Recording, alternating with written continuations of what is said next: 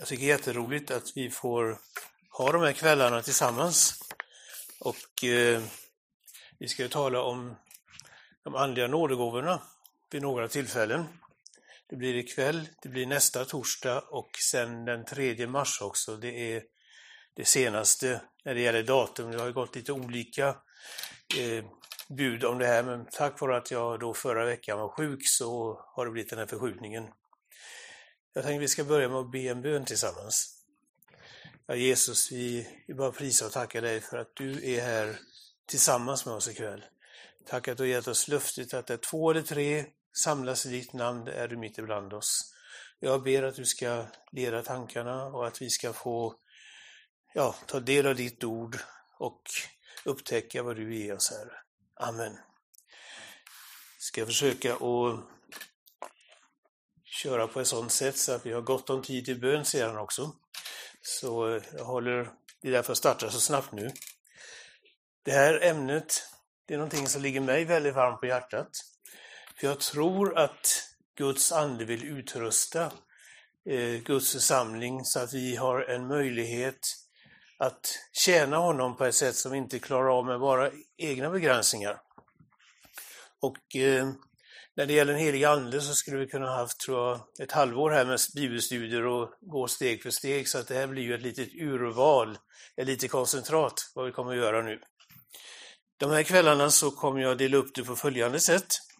Att idag då så vill jag ta upp dels skillnaden mellan naturliga gåvor och Andens gåvor.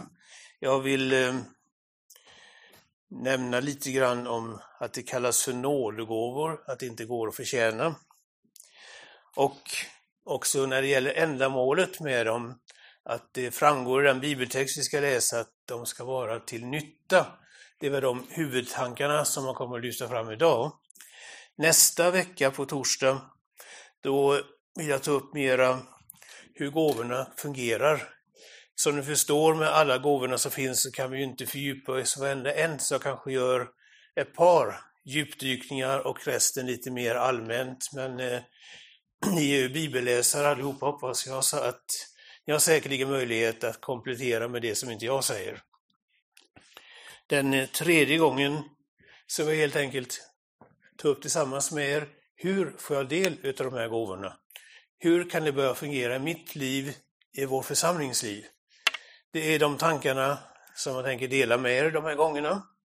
Så då har ni lite grann så ni vet vad som kommer. Jag tänker börja med att läsa en välkänd bibeltext när det handlar om det här. Och det är i Första Korinthierbrevet kapitel 12.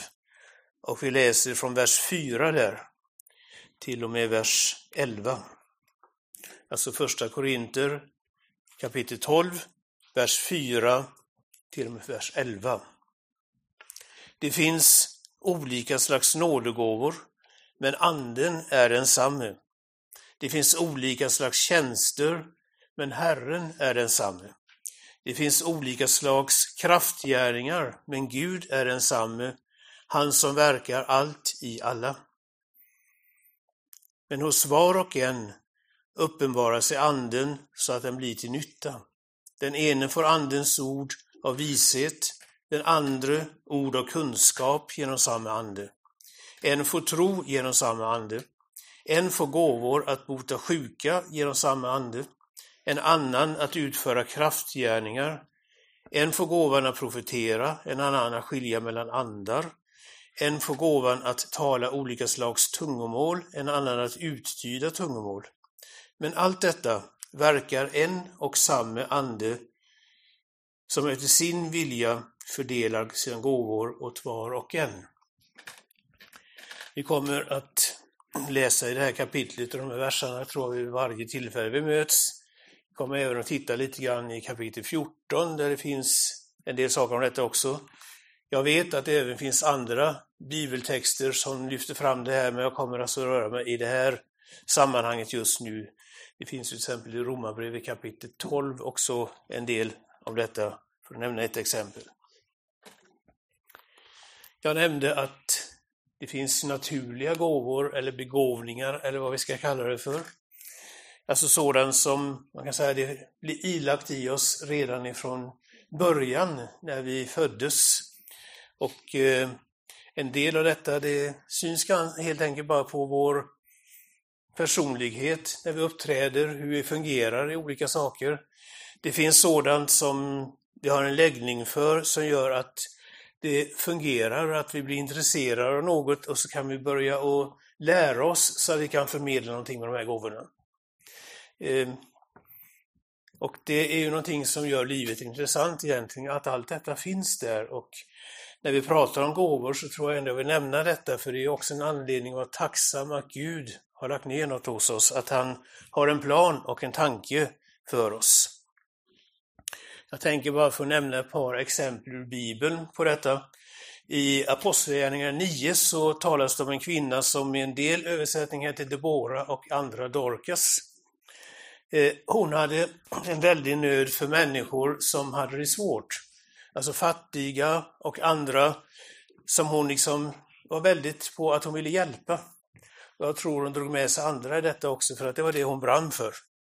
Och det talas om att hon även sydde en massa saker och att hon hade den gåvan. Alltså det var någonting som var väldigt praktiskt och samtidigt någonting som låg på hennes hjärta.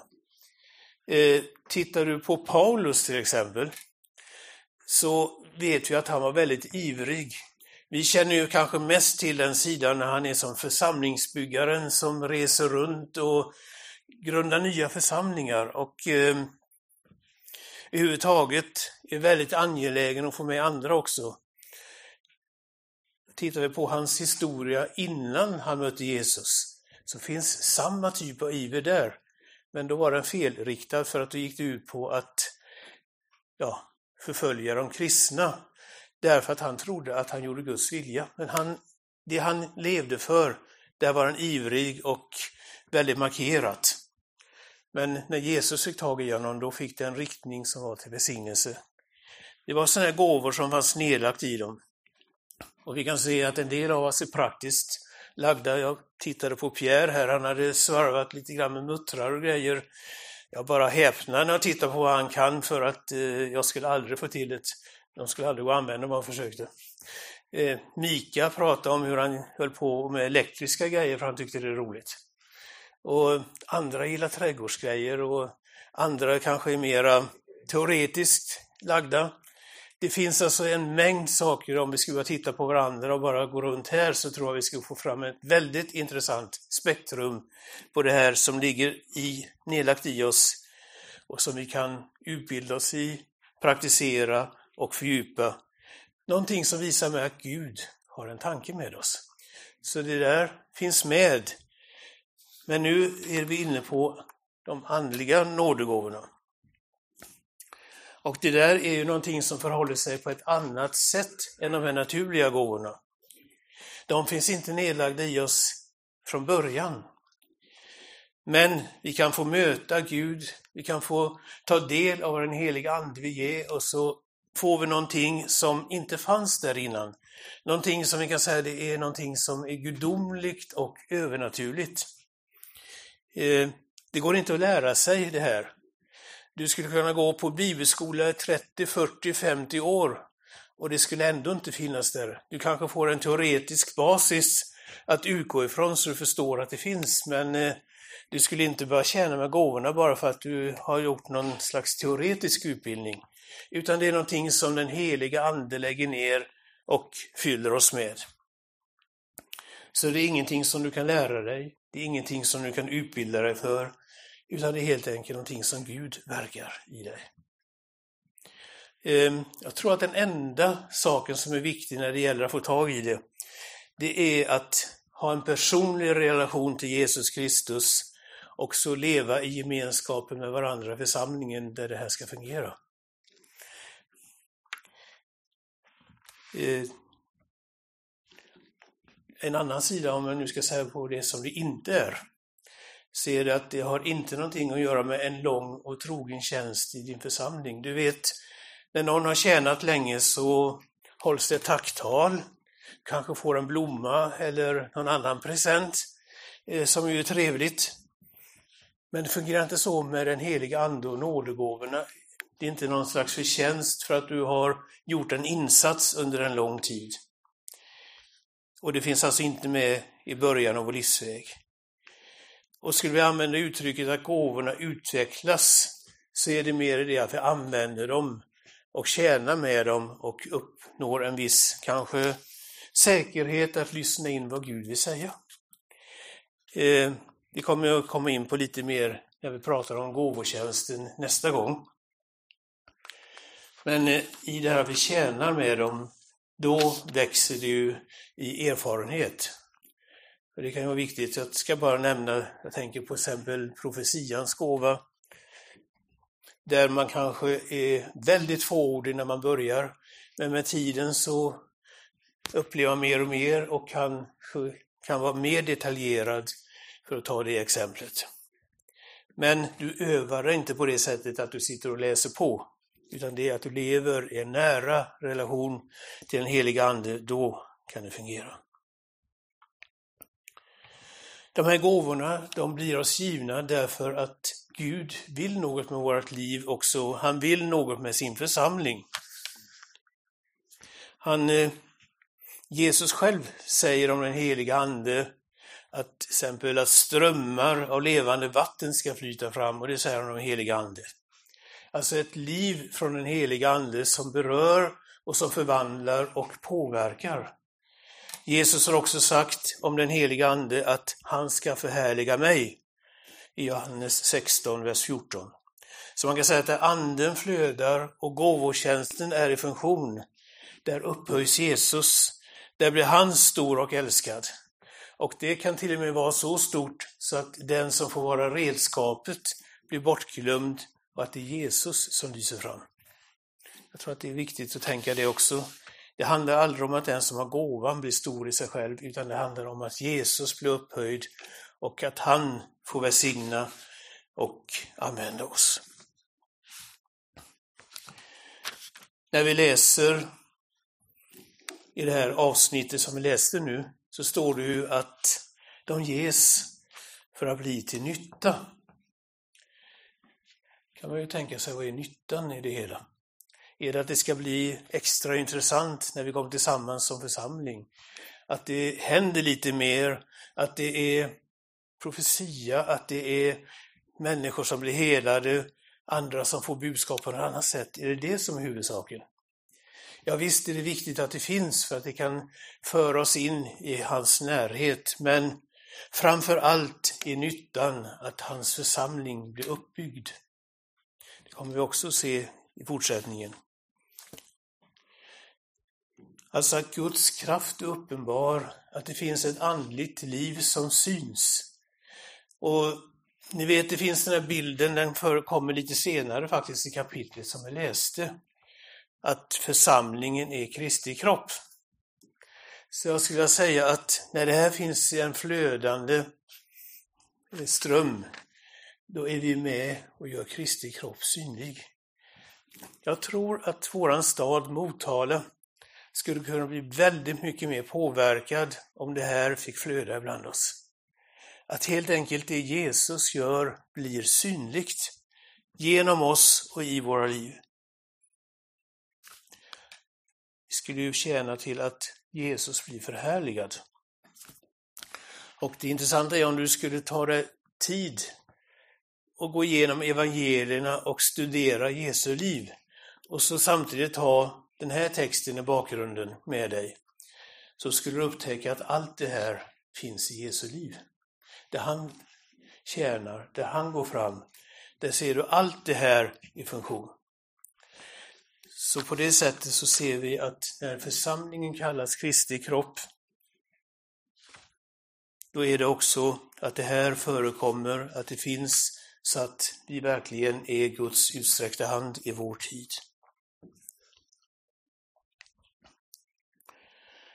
Det kan du ta och läsa själv kanske i kapitel 12, ungefär där jag slutade idag, så ska du se hur det här med kroppen fungerar.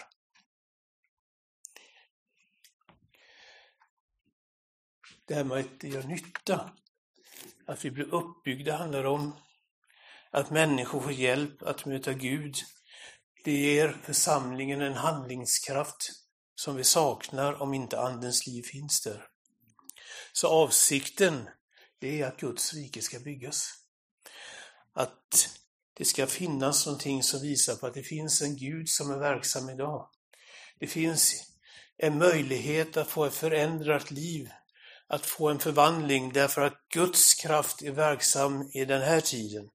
Det är inte någon slags museum, Guds församling, utan det är ett, en levande kropp som eh, fungerar i samhället, som fungerar i gemenskapen. Så avsikten är att vi ska vara utrustade till att tjäna Gud för att bygga hans rike i vår tid. Tänk vad underbart det är att de här möjligheterna finns. Att vi kan få vara med om att vi påverkar där vi finns. Vi behöver inte vara så rädda och försiktiga utan låt Andens liv flöda genom ditt liv så ska du få se att det händer saker där du är också. Avsikten är alltså inte att enskilda personer ska lyftas fram. Det finns ju varnande exempel på där man har försökt att styra en församling genom profetia. Och det är ju någonting som är dömt att misslyckas och inte bli något sunt. Men det finns ändå sådana saker som har hänt om man tittar lite grann på historien och då är det viktigt att se att det finns inte med i vår bibeltext utan det handlar om att gemensamt tjäna Gud. Det är ju intressant att se också att det inte bara är några specialister som får del av gåvorna. Det är inte så att det pickas ut några som är speciellt duktiga i tron, utan när vi läser kapitel 12 här så kom det gång på gång att anden delar ut som den vill. Och att den ene får den gåvan, en annan får en annan gåva. Och på det sättet så kan vi se att hela församlingen är involverad. Att det inte är någon som ska stå utanför. Utan att Gud har en tanke där han vill att var och en ska få fungera i den tjänst som Gud använder honom i. Och det betonas sammanfattningsvis också i vers 11 som vi läste. Men allt detta verkar en och samma ande som efter sin vilja fördelar sina gåvor åt var och en. Så det är anden som funderar, fördelar.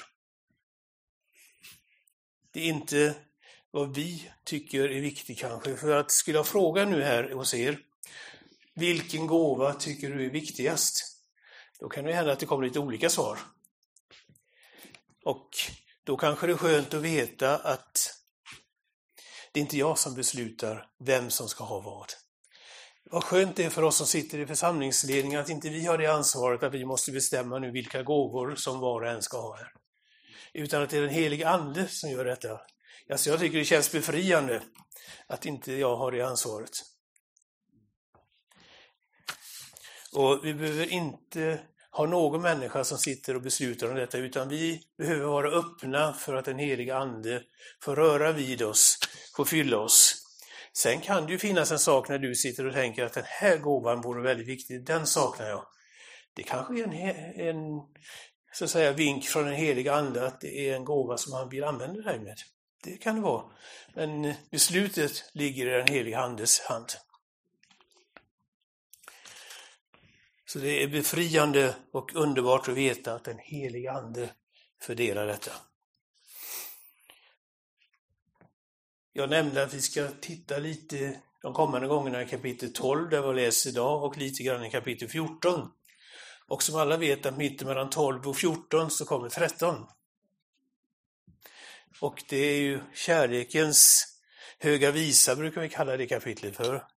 Det är ju det som lyfter fram kärleken på ett särskilt sätt. Och jag tror inte att det är en tillfällighet, inte bara för numreringens skull, utan för innehållets skull, att detta kapitlet kom mitt emellan två gåvokapitel.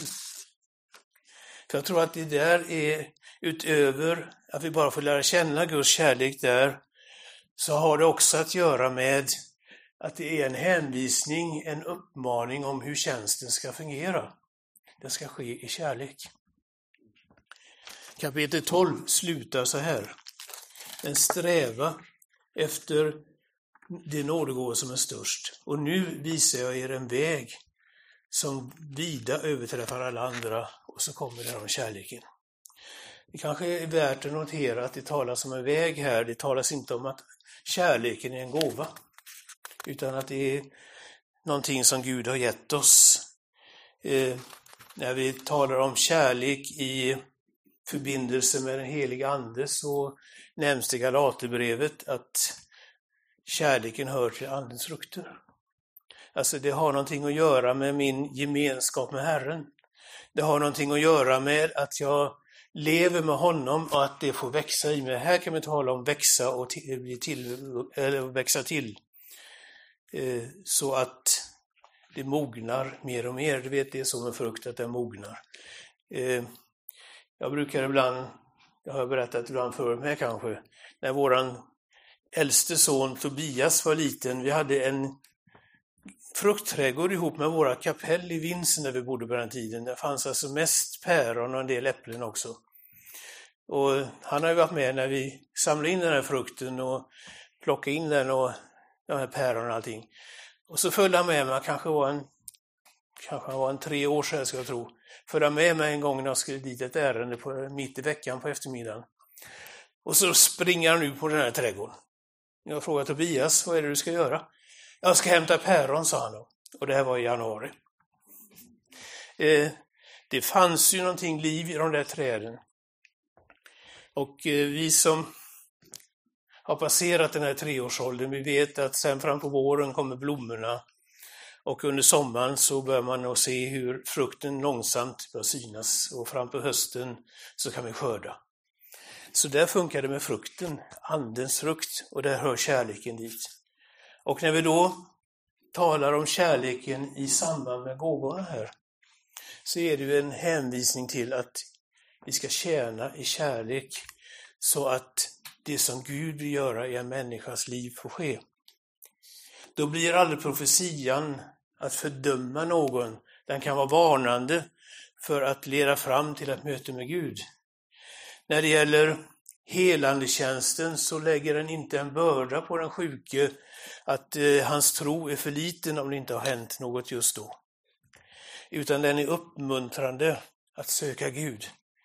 Eh, tar vi visheten som också fanns med bland alla de här gåvorna, så handlar det inte om att jag ska vinna diskussionen och liksom visa att jag vet mer, har bättre argument än den andra.